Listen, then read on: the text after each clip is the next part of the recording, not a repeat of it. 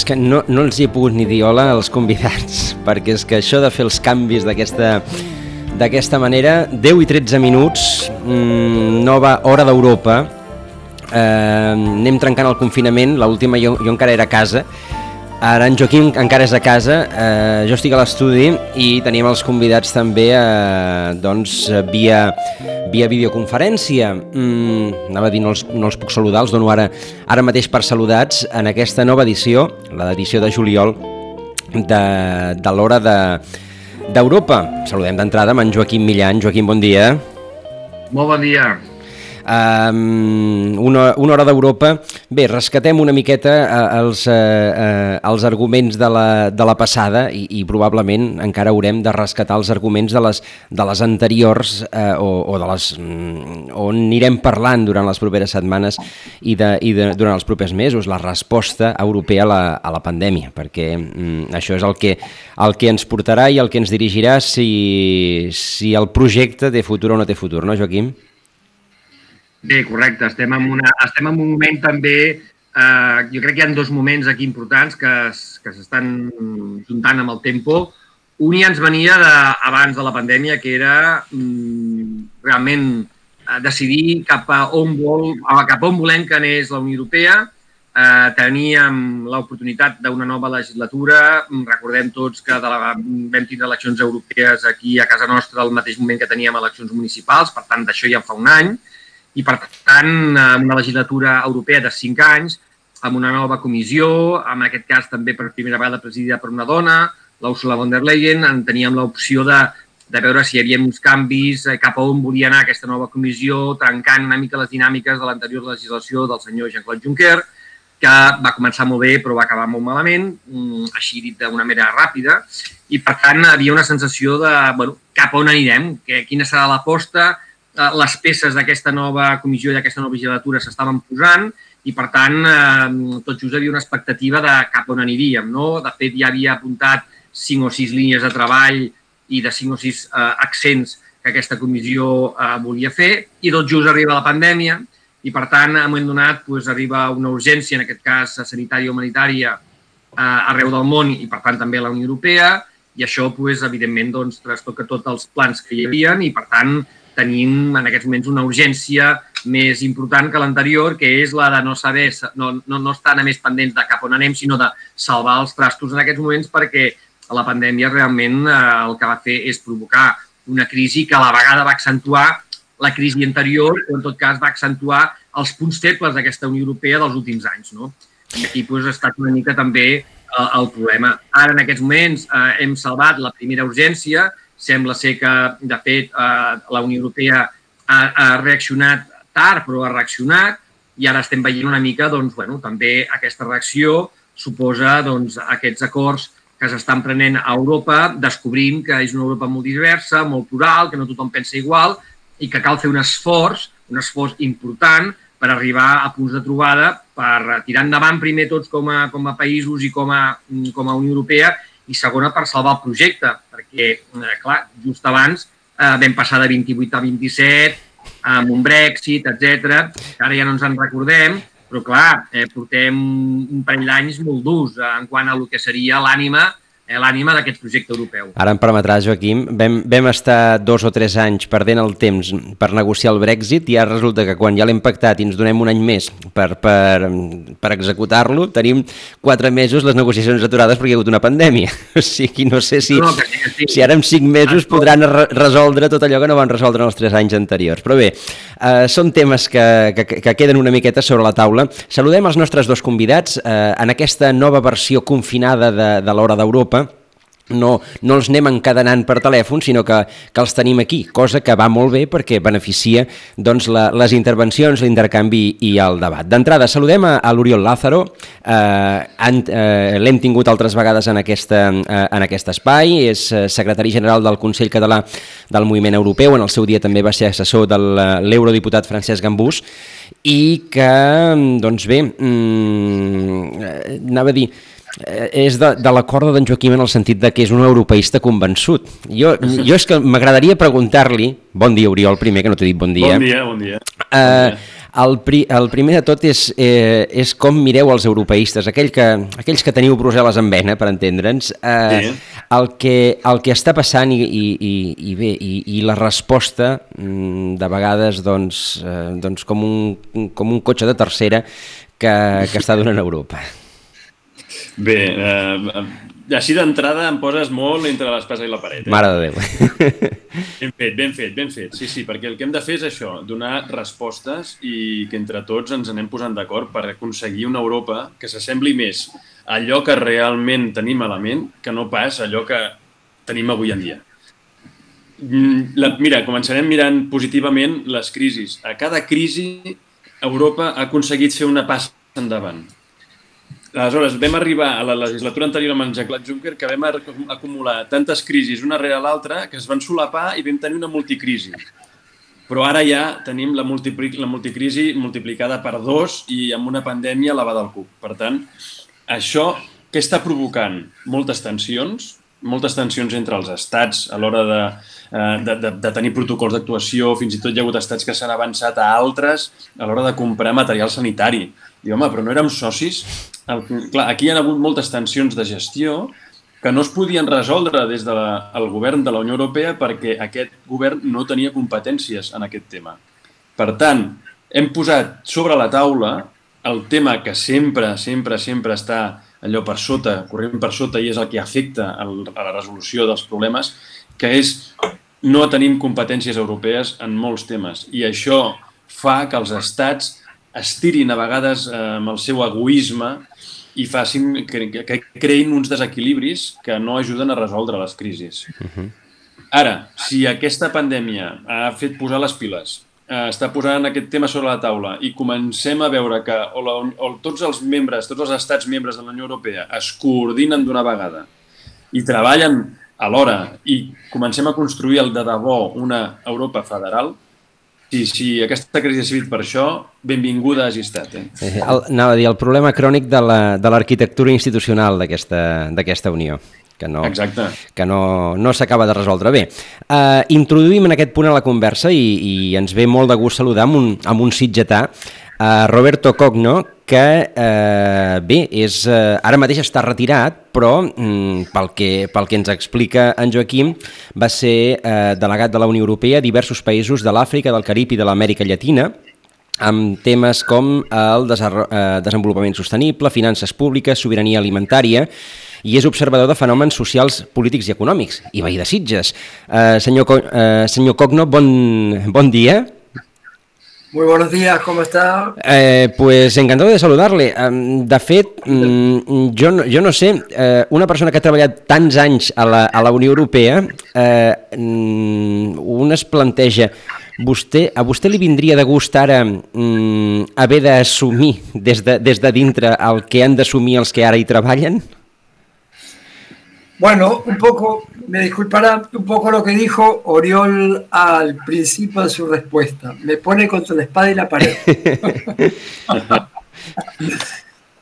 Mira, desde adentro y ahora desde afuera, pero desde afuera, pero siempre desde adentro, siendo un jubilado, un retirado de la Unión Europea, consultor por ahora en algunos momentos, pero siempre con muy buenos recuerdos de los casi 25 años como funcionario de la Unión.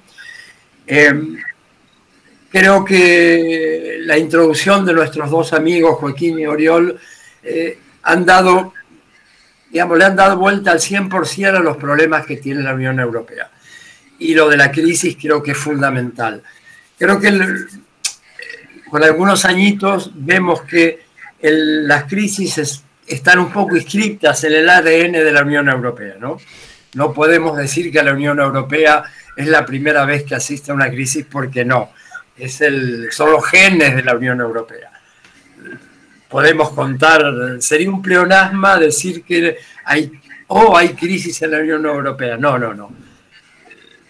Empezando, hace, hace poco, disculpe, me tomo un, un minuto Hace pocos días cumplimos 70 años de la Declaración Schuman y a través de los 70 años podemos citar cómo en las familias, en los matrimonios, crisis muchísimas, ¿no? la, silla vacía, la defensa en el 54, no sé, la constitución europea, los refugiados, el Brexit. Y siempre, creo, siempre ha habido una respuesta globalmente común.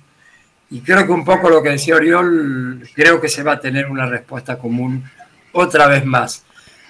Y espero que sepamos salir bien, ordenadamente, eh, por el bien común de los europeos de esta nueva crisis. ¿no? Pero es cierto que de adentro se ve un poco, un poco problemática. Y sobre todo lo que usted dijo al final, la, todo el, el, armado institucional de la Unión Europea creo que esta vez sí que ha sucumbido a un movimiento telúrico muy fuerte. Pero creo que debemos salir y podemos salir. Creo que hay los Estados miembros y la nueva comisión tienen muchas ganas de salir. Veremos, veremos. Y al Parlamento, ¿eh? no nos olvidemos del Parlamento porque creo que al Parlamento hay que los europeos convencidos tenemos que darle un gran apoyo al Parlamento. Uh -huh. Muchas gràcies, por ahí me paro. No, uh, bàsicament, i, i agafant la, la, les intervencions tant de, de l'Oriol com, de, com del senyor Conyo, uh, um, hem, hem de... Um, és a dir, Europa pot estar ara pagant un endemiatge excessivament gran, excessivament complex, excessivament eh, dificultós construït en el seu, en el seu dia doncs, per, eh, per evitar les tensions, però clar, aleshores eh, poses, poses tantes travesses que al final en lloc d'evitar les tensions tens aquí mm, un edifici que, que, que és molt difícil de, de defensar. No sé, no sé fins, a, fins a quin punt Um, una cosa és la voluntat, el que, el, que, el que deia el senyor Roberto, una cosa és la, és la voluntat que pugui tenir eh, la comissió i, i, i, el, i el mateix Parlament i una altra cosa la possibilitat que tingui la Unió per, per fer front davant d'aquest endemiatge. Eh, I aquí ja llenço la, la pregunta a l'aire i m'agradaria que, que col·lectivament doncs, eh, anéssim intervenint. Mm, em prenc la, la llicència de començar. Endavant. Eh, més, més que res, perquè voldria destacar que justament a la legislatura anterior, eh, 2014, hi ha les eleccions i candidaten per primer cop, eh, que es, proposava un candidaten per cada família política europea, guanya el partit, la família del Partit Popular Europeu, eh, Jean-Claude Juncker, però fins aquell moment els estats eren qui posava el president de la Comissió Europea entre ells s'ho parlaven i deien, bueno, el president serà aquest. En aquell moment, Jean-Claude Juncker va dir, escolteu, hi havia el compromís que candidat en guanyador fos el que presidís la, la Comissió Europea. Merkel, per exemple, no hi estava gens a favor, entre d'altres. I es recorden algunes reunions eh, tenses entre estats de dir, fem, no fem. I el Parlament, com que és qui acaba votant a favor d'aquest candidat, es van posar realment ferrucs i van forçar que fos candidat en el Jean-Claude Juncker, per primer cop, era el que assumia la presidència de la Comissió Europea. Allò era un, es, va, es va vendre o es va fins i tot celebrar com una victòria i un pas endavant de democratització de la Unió Europea. Jean-Claude Juncker jo crec que va, va agafar les regnes eh, creient-s'ho, amb molta, amb molta empenta, moltes ganes, però eh, va, va fer, en primer any va intentar engegar molta legislació, va fer una sacsejada important, però de cop i volta li va arribar la crisi de la, la, dels, dels migrants, la guerra de Síria, tenim tota aquella crisi de, de, de persones, persones que volen entrar al nostre territori demanant refugi, si us plau, i es troba que els estats el que fan és tancar portes. I en un afany de dir, escolteu, jo governo Europa i a Europa hem de donar una resposta bona i ràpida, eh, agafa amb la, amb la seva comissària d'exteriors, la senyora Mogherini, s'asseuen i fan una proposta d'aquelles famoses quotes, de que cada estat havia d'assumir una quota de cert, una certa quota d'immigrants. Què va passar? Les competències d'immigració no les té la Comissió Europea, eh, són pròpies de cada estat i a cada estat va dir, escolta, jo acceptaré els immigrants que a mi em, em vingui de gust i, si, i perquè jo vull, no perquè tu m'ho diguis. I, per tant, eh, aquí Jean-Claude Juncker va quedar totalment desautoritzat, desfalcat, i jo crec que hi ha un abans i un després en l'energia i la manera de fer i l'empenta d'aquest president. Després d'allò, va haver jo crec que va haver-hi coses que volia impulsar que les va deixar anar fent pel seu curs sense, sense donar-li més empenta. I crec que va ser una pena. Ara, tenim nou govern, tenim una nova presidenta. A més a més, amb la bona notícia que té molta sintonia amb la senyora Merkel. Perfecte. A veure, malgrat no ser candidata ni malgrat no ser anava, eh, la, la candidata votada... Anava a introduir-me aquí, això, sí, Oriol, sí, perquè sí. clar... És com un pas enrere, Sí, eh? sí, clar, correcte. Però vaja, però, però en canvi tenim una, una persona amb molta energia, amb moltes ganes de donar-li sentit i de, i de fer treballar la Comissió Europea com a govern. A veure si ho aconsegueix, tant de bo. Ja cedeixo la paraula perquè continuï en, el, el Roberto, que segur que ens pot il·luminar molt. Bueno, no, en, en, en, ese sentido tienes razón, Oriol, todo lo que has dicho de la, de la Comisión Juncker. Eh, creo que ahora, bueno, y aprovechando que a partir de hoy toma la presidencia rotativa Alemania por seis meses, es una buena noticia también. Creo que para esta, este, este reacomodamiento del andamiaje durante estos seis primeros meses, y creo que será muy importante lo que puede pasar en estos seis meses, ¿no? Y también agregaría lo que dijo Oriol, la, el papel de los consejos. Está, este, este rompecabezas para el, para el escucha o el ciudadano normal europeo de la calle, que cuando hablamos de Consejo, Consejo de Europa, Consejo Europeo, Consejo de la Unión Europea, a ver de qué estamos hablando, digamos, y el, papel de los jefes de Estado, de los jefes de gobierno y de los ministros que se ocupan de cada rama, pero hablando un poco más claramente. Creo que va a ser muy importante el papel del Consejo, digamos, donde están reunidos los jefes de Estado y de Gobierno en estos seis meses próximos para ver un poco más claro.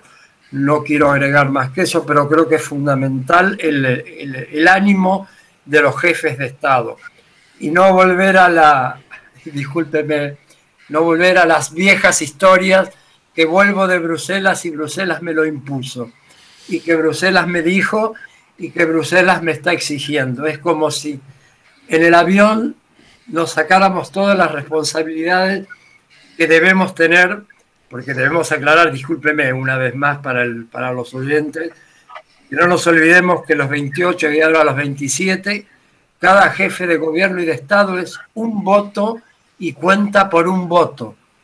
Y es un voto. Y si hay en algunas decisiones, que son a la unanimidad, un voto es nulo la decisión. Así que cada uno tiene exactamente, y eso yo creo que muchas veces lo decimos, ¿no? Hay que repetirlo todos los días, a cada hora, para que el ciudadano europeo, para que todos los europeos sepamos la fuerza que tienen los gobiernos en, la institución Consejo, en, que no es Bruselas quien decide, que son los gobiernos nacionales que deciden lo que pasa en Europa. Porque a veces tenemos tendencia a mezclar un poco esto y a sacarnos las responsabilidades de encima, ¿no? Un poquito. Y ahí lo... Bueno, de, de hecho, mmm, jo sempre dic que, que quan parlem d'Europa és molt fàcil parlar d'Europa com una entelèquia, eh, com algú eh, que no sabem massa bé qui és, perquè així és fàcil per tothom, i, i, i jo crec que moltes vegades de manera cínica no s'explica massa bé com funciona la Unió Europea, perquè així la ciutadania el no saber massa bé com funciona és molt més fàcil donar, com deia el Roberto, la culpa a Brussel·les o en tot cas no entendre exactament el que ens ha explicat l'Oriol, que ara que ho he explicat s'entén a la primera. Per tant, què vull dir amb això? Uh, també penso que tindria que haver-hi una, més, una mica més de curiositat per la ciutadania per saber com funcionen els, i no, ja no diria la Unió Europea, eh? molta gent li dius com funciona un ajuntament i, i, i no ho sap, i a vegades inclús diuen, a mi m'és igual, però després es queixen, no? I dius, bueno, esclar, però igual tens mitjans per poder participar durant la legislatura o el mandat, en el cas d'un municipi, per intentar canviar les coses o com a mínim queixar-te, com a mínim fer propostes, i la gent això no ho sap. Després fas un procés participatiu i participen quatre persones, no? I tens 40 queixant-se. Vull dir que també jo penso que aquí és, una qüestió, és un fet cultural que hauríem també de tindre a clar que quan parlem de l'administració pública, l'administració pública som nosaltres. Eh? A vegades a mi em fa gràcia, bueno, si això ho paga l'Ajuntament, que ho pagui. No, no, ho paguem nosaltres. Si això ara el Sánchez diu que ens dona una subvenció, que estupendo, que maco és el Pedro Sánchez. No, no, perdona, és que està utilitzant els nostres diners. Quan la Unió Europea està començant a repartir diners i ah, que, que Brussel·les doni diners a Espanya per fer això i allò, bueno, que aquests diners s'hauran de tornar a algú, perquè són d'algú alguns els està deixant. Vull dir, quan el Banc Europeu Central, Central Europeu donarà, donarà la maquineta per repartir diners per salvar-nos una mica d'aquesta crisi, aquests diners surten d'algun lloc, no surten de... Eh? A mi em feia molta gràcia quan deien les beques, les beques Schumann, no? O els Erasmus, com si hagués un senyor Erasmus donant diners i beques a tothom. No, no, són uns diners que estan allà i que es reparteixen. Ho dic perquè és molt important això en un moment donat on estem decidint com sortim d'aquesta crisi no només a Sitges, a Catalunya, a Espanya, sinó en clau europea, i després quin model d'Europa volem. És a dir, eh, ara podem decidir la ciutadania també quina Europa volem. Clar, també és important, de la mateixa manera que decidim quins Sitges volem cara al futur, o quina Catalunya ens agradaria, o quina Espanya també eh, eh, ens plauria, bueno, quina Europa volem també, no? Vull dir, eh, ja sé que això ho parlem de tant en tant, però a mi em sap greu que possiblement portem molt de temps fent pedagogia europea en aquest cas, i el programa ja portem més de 12 anys fent aquest, aquest, aquest programa una hora al mes i, i, i a vegades eh, encara hi ha gent que, bueno, hi has de fer pedagogia, no? I això a vegades, pedagogia bàsica, eh? perquè si vols pedagogia ja més concreta, vale, però bàsica, no? De, de, quan parlem de Brussel·les de què estem parlant, més o menys, eh? que la gent tingués una idea, no? Jo penso que és important que aprofitar també aquests moments per saber com funciona això. Un altre exemple, i amb això acabo, Eh, perquè veiem que no és de més Europa, per això direm, mira, el Millan amb el seu tema, no? Europa, Europa, Europa, però també ara amb tots aquests temes, i ja fa 10 anys ho vaig veure-ho, la gent davant de la crisi, que si tinc un problema, que si el banc, que si la visa, que si eh, comissions per aquí, que si ara un ICO, la gent mm, té uns problemes d'entendre que el banc no és una ONG, Mm, que quan signen un contracte per tornar un crèdit, una hipoteca o una targeta Visa, que és que m'han regalat una Visa. No, ningú regala Visa. És que m'han trucat des del banc i em regalen un ICO. Ningú regala res. Per tant, a vegades la gent eh, et sorprèn perquè mm, entenen unes coses que, bueno, millor dit, volen entendre unes coses perquè així és millor no saber la realitat, que, que després que tenen problemes. A vegades la gent s'ha ficat en uns problemes financers i econòmics perquè realment no, no, no, no entén massa bé com funciona un banc, però és que això ja és cultura general, ja no és una cultura específica, és cultura general. Eh, quan tu vas a un sistema financer a demanar crèdit o una hipoteca, el que sigui, o una mateixa, una senzilla visa. Hi ha gent que té tres o quatre vises i després té un problema gordo um, perquè amb comissions per aquí, eh, etc. I, I clar, això també ho dic perquè quan parlem d'Europa no estem parlant tampoc d'una cosa tan especial, estem parlant d'un quart nivell d'administració pública que tots paguem eh, una part de l'IVA, que nosaltres cada vegada que fem una compra eh, la gent tampoc sap per què paga l'IVA i on va l'IVA. I la gent li preguntes, molt bé, l'impost eh, de l'IVA, que cada vegada tu fas una compra, on va? Ah, no ho sé, és un impost que tinc que pagar. Bueno, què finança? Tampoc ho sabem. Bueno, doncs a l'IVA hi ha una part de l'IVA que està finançant, per part d'Espanya està enviant diners d'aquest IVA que paguem cada dia nosaltres quan fem cada compra, l'està enviant a la Unió Europea per finançar la Unió Europea. És la nostra aportació també. Per tant, és l'aportació de, de, de la ciutadania europea a cap a la Unió Europea per gestionar aquells diners en comú i que retornin uns quants doncs, via Erasmus, via ajuts, via eh, subvencions, via, eh, en moment donat, projectes europeus. No? I això també s'ha de saber, perquè de, també entendríem, ara quan parlem de diners, i bueno, bueno, un moment, mm, què faran amb els nostres diners les diverses administracions públiques? Perquè aquests diners són nostres i els haurem de tornar.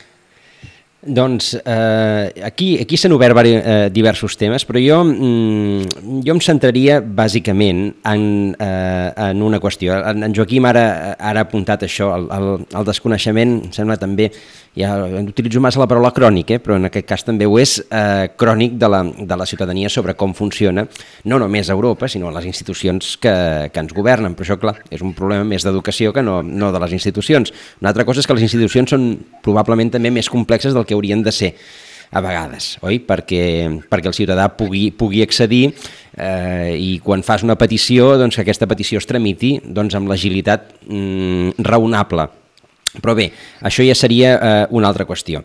Jo el que voldria apuntar, bàsicament, eh, i em sembla que està l'Oriol abans que, que, ho ha, que ho ha esmentat, eh, Europa va tenint crisis, crisis, crisis darrere, re, darrere de crisis, i va, es va reinventant a partir de les crisis.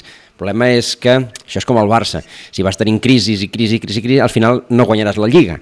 I, i, i doncs que Europa es pugui trobar en aquesta, eh, en aquesta situació de dir, bueno, hi haurà potser una crisi que serà massa crisi per, per, per poder-se suportar amb l'estructura que hem creat. I tenint en compte el que, el que s'ha apuntat abans aquí també. Per una banda, la crisi dels, dels refugiats, mm, diguem, ara no en parlem, però aquesta gent continuen estant a, a les portes de Grècia. Eh, molts d'ells i a Lampedusa tenen el problema que tenen. Això per una banda.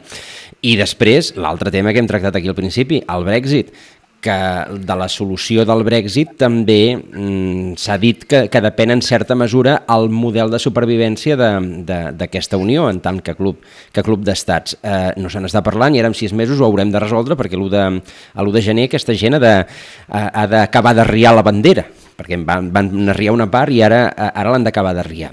Tenim aquí molts problemes, una pandèmia pel mig, Uh, com, com, com veieu si, si que, que, que Europa, que aquest, que aquest malalt amb mala salut de ferro eh, i amb aquest endemiatge del que hem parlat abans, eh, serà capaç d'assumir eh, tots aquests eh, reptes, aquesta comissió, i sí, i una altra qüestió que s'ha apuntat aquí, si la presidència alemanya Mm, és diferent que, no sé, que diguessis, no, és que ara li toca Polònia, mm, no, ara li toca Alemanya. Doncs eh, si, si Alemanya no ho arregla, per això, si, si el fet de que això coincideixi, aquest moment gairebé clau, coincideixi amb els sis mesos de presidència alemanya, això també eh, pot ajudar a que, a que com a mínim doncs, bueno, li, li donem la vacuna, ara que la busquem, doncs la, la vacuna que toca. Que, no sé, com, què us sembla? Roberto, si quieres empezar ahora tú, que siempre empiezo yo.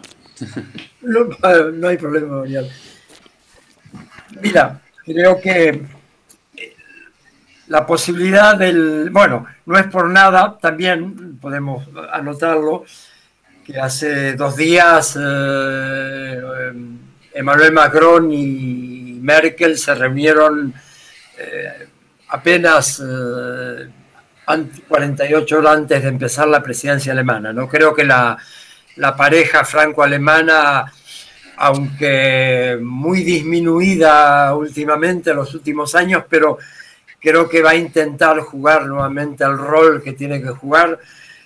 Macron también muy disminuido después de las últimas elecciones municipales en Francia. Pero bueno, también muy disminuido, pero también es, yo diría, un llamado de atención muy importante lo que ha pasado en Francia el domingo pasado, ¿no? Con esto de, la, de, la, de las elecciones verdes y de los municipios verdes, es muy importante. Creo que como tú decías eh, hace un momento, creo que es una nueva oportunidad para relanzar la, Europa que queremos. Va a ser, creo que va a ser más difícil quizás que la crisis institucional del 99 se deben acordar cuando la, la renuncia de la Comisión Santer, que fue también en ese momento un cimbronazo bastante fuerte, por lo menos para las instituciones, quizás no para los países, ahora, ahora los países están mucho más tocados, pero para las instituciones en el momento de Santer fue bastante, yo estaba adentro y lo vivimos bastante amargamente en ese momento. Pero bueno, Creo que es una posibilidad.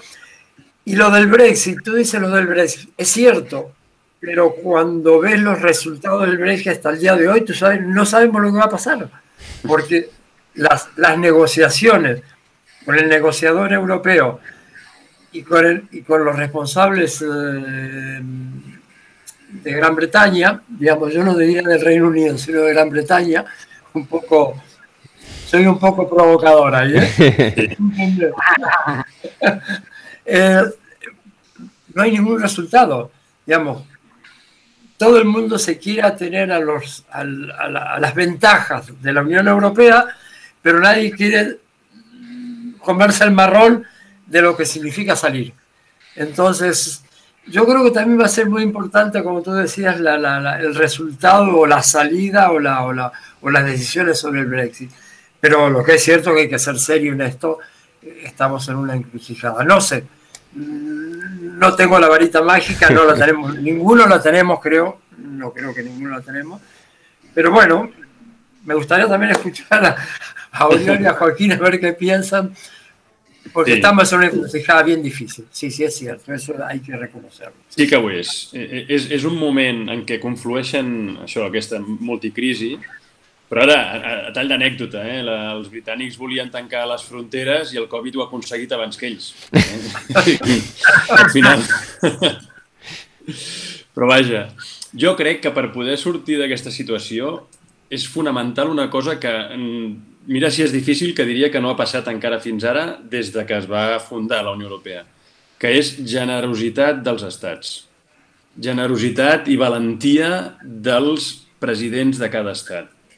No mirar tan sols el benefici a curt termini tant pel seu territori com per al seu electorat, que, que això es fa molt també, sinó mirar, posar la mira a llarg termini, ser un, un, un bon governant, mirar a llarg termini i mirar què és el que va millor per tots plegats, quin és el millor camí per tots plegats. Que això no serà popular ara mateix, d'acord, doncs escolta'm, has de ser prou valent per, com per assumir-ho, agafar la responsabilitat de, de tirar pel camí que tu creus que és el, el correcte. Aquest, aquesta és, això és un bon lideratge.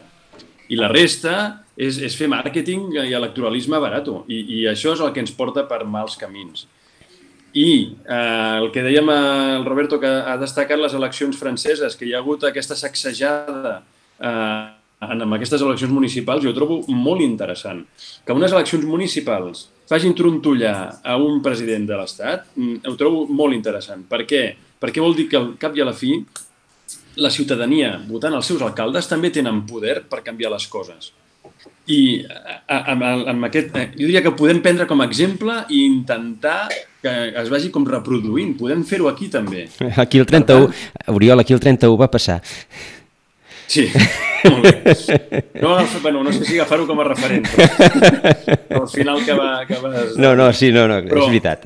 amb, amb això vull dir que, que és molt important que ens empoderem, els, una mica agafant el discurs del Joaquim, però potser no anant tan enllà, eh? però sí, sí que, que siguem conscients els ciutadans que tenim el nostre propi poder, que tenim els representants que hem votat al cap i a la fi, i aquella dita que diu que cada societat té els representants que es mereix, perquè són els que han votat. Per tant, escolta'm, no estic content amb el que hi ha, doncs eh, movem-nos tots plegats, posem propostes noves sobre la taula i comencem des dels municipis. Cap problema, des de, des de les municipals pots fer trontollar tot el que faci falta. I més si, per exemple, hi ha ciutats importants pel mig. Per tant, crec que, que, que hi ha camins que podem iniciar entre tots sense esperar a que reaccionin els, els que en diem els de dalt de tot. Eh? No cal, podem fer coses. I, i després una, un apunt sobre el Brexit també, el, el que sí va provocar el Brexit, en lloc de d'una primera reacció que es, es temia de dir, home, doncs si els anglesos volen sortir, al darrere igual n'hi van molts, que també demanen un tracte diferent. Doncs al contrari, hi va haver una reacció unànima i un posicionament molt, molt tancat i de bloc conjunt dels 27 que han quedat. Per tant, una sorpresa agradable en aquest cas, no? I a l'hora de negociar, la Unió Europea va dir, escolteu, aquest és el nostre tracte, jo crec que va ser una proposta molt seriosa i molt ben treballada per part de, de la Unió Europea, i els britànics són els que van donant toms cap aquí i cap allà i no accepten o no estan contents o li donen la volta i jo crec que estan jugant també una mica el seu joc, eh, esperant a veure que Estats Units també els ajudi i a a tenir uns tractes comercials amb la resta del món que els puguin beneficiar abans de deixar anar tot el que tenen aquí, no?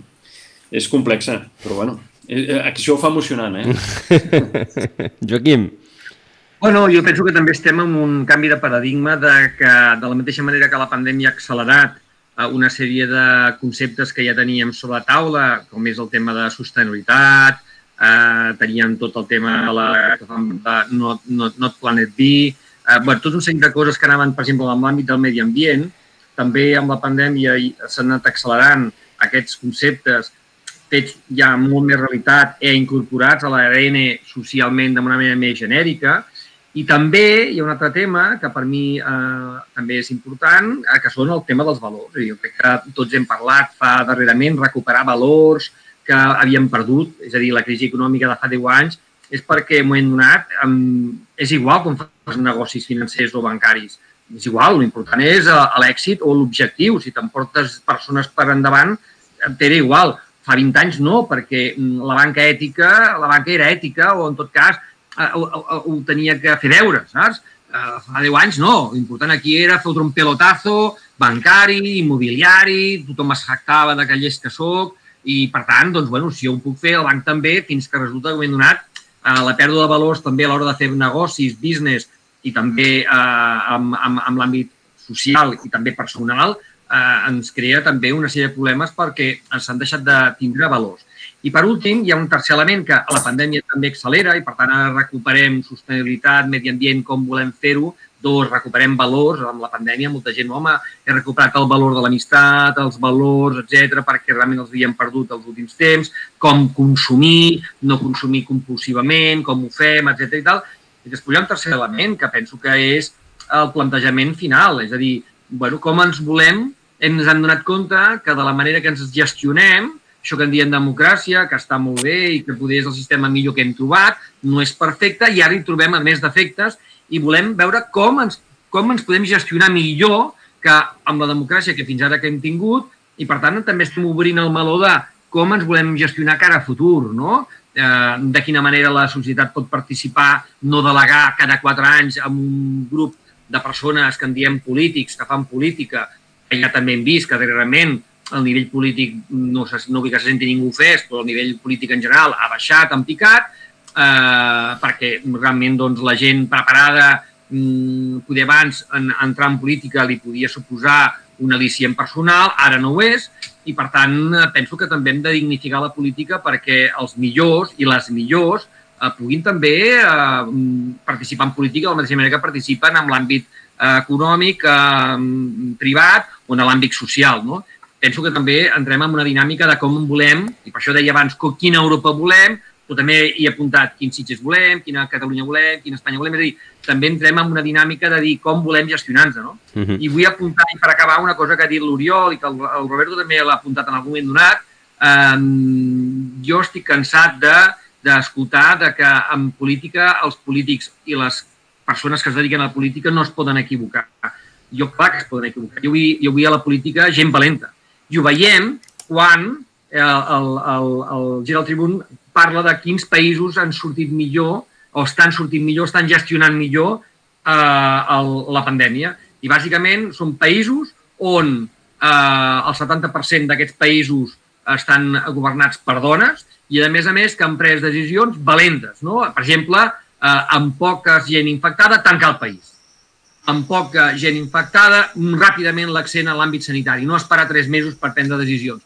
I, per tant, jo penso que al final la política també ha de ser gent valenta. Quin és el problema de la política que no tenim gent valenta davant? Que, clar, si t'equivoques, doncs igual has de dimitir i has de marxar. I la gent en política es pensa que un dia ets polític i et jubiles com a polític. I això no pot ser. És a dir, la política ha de ser transitòria. Ha de, de, ha de ser un temps de la teva vida que et faci il·lusió, amb ganes i energia, i, i és normal, com els projectes que pots tindre vitals a la vida, que un moment donat vas canviant de coses, perquè un moment donat pues, has posat tot el millor que tenies i necessites nous reptes i noves coses. I, per tant, en política necessitem gent també amb energia, amb il·lusió, però també gent valenta, que si s'equivoca, doncs, com en qualsevol altre lloc, quan t'equivoques, doncs, té uns costos, a vegades personals, a vegades col·lectius, però, no, però això ho hem d'assumir també en política. La política no, no pot ser una cosa que passi el que passi mai passa res, perquè llavors no avancem, que és una mica el que deia l'Oriol. Al final han de passar coses.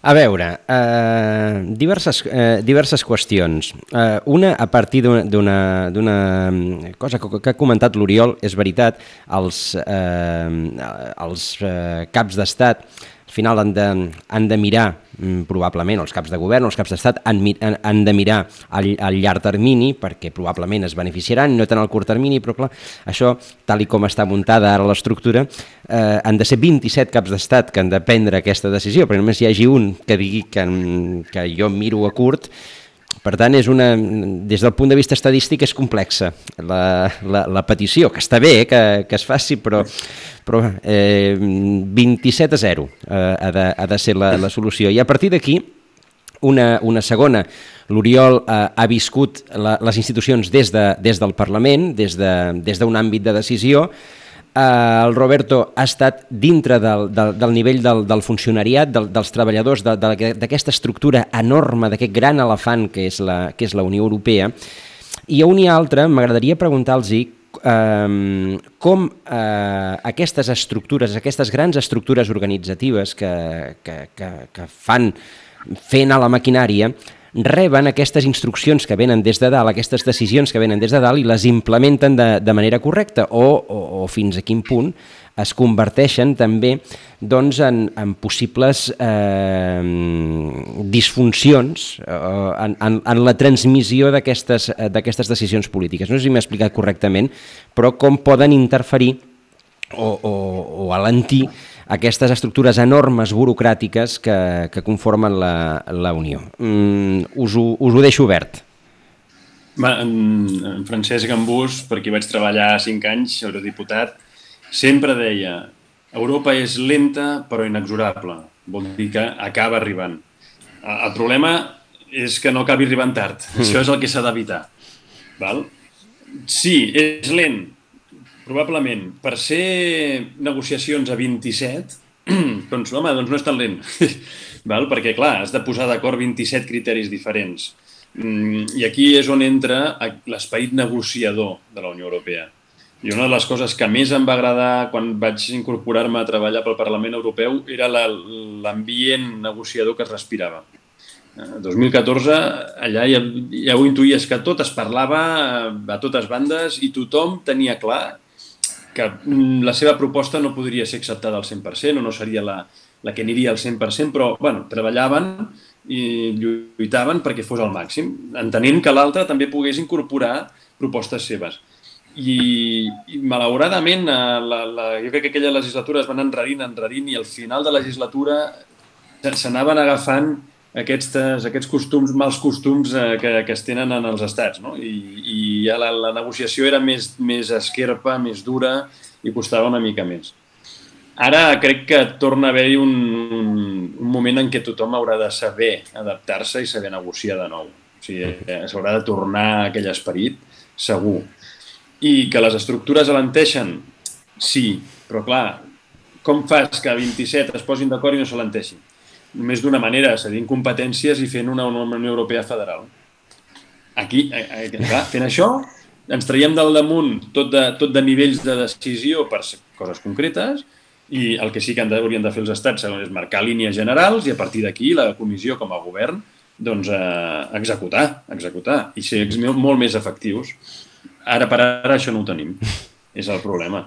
Sobre la Comissió Europea, el, Roberto segur que pot parlar-ne molt més perquè l'ha viscuda molts anys, però jo el que sí sé que tens, tens eh, funcionaris molt bons, molt qualificats, que treballen molt bé i que s'esforcen molt per tirar endavant aquelles polítiques que realment ja s'han aprovat i s'han votat i aprovat en el Parlament Europeu i pel Consell. Hi ha gent molt preparada i molt bona, molt capaç.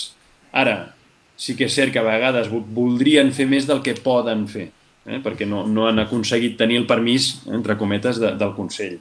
No sé, Roberto, tu que ho has viscut, Tenim, podràs dir-ho en, en primera persona. Ens queden 4 minuts de, de programa, o sigui que Roberto, endavant. La Unión Europea es lenta pero segura. y, y, la Comisión es muy burocrática. Y como dijo Oriol, hay gente que tiene muchas ganas de trabajar, que quiere hacer muchas cosas y las hace. Hay gente que tiene muy pocas ganas de trabajar y no las hace. Pero por suerte los primeros son la mayoría. Eh, son estructuras pesadas, pero cuando juntas 27 te das cuenta que no es tan pesada, no es tan tan pesada. Y quisiera decir dos pequeñas cosas, creo, cuando Oriol dice, eh, el, el rol fundamental está en los presidentes de gobierno y de Estado. Es cierto, nos pusimos de acuerdo o se pusieron de acuerdo dos personas o dos estados para poner conjuntamente el carbón y el acero cinco años después de 60 millones, la cifra no importa, 60 millones de muertos, ¿por qué no podemos ser capaces ahora de hacer nuevamente algo, bueno, a 27, está bien, es cierto, pero creo que es fundamental la decisión que se puede tomar ahora. Eh, y sobre todo vuelvo a, lo que dije un momento antes, ¿no?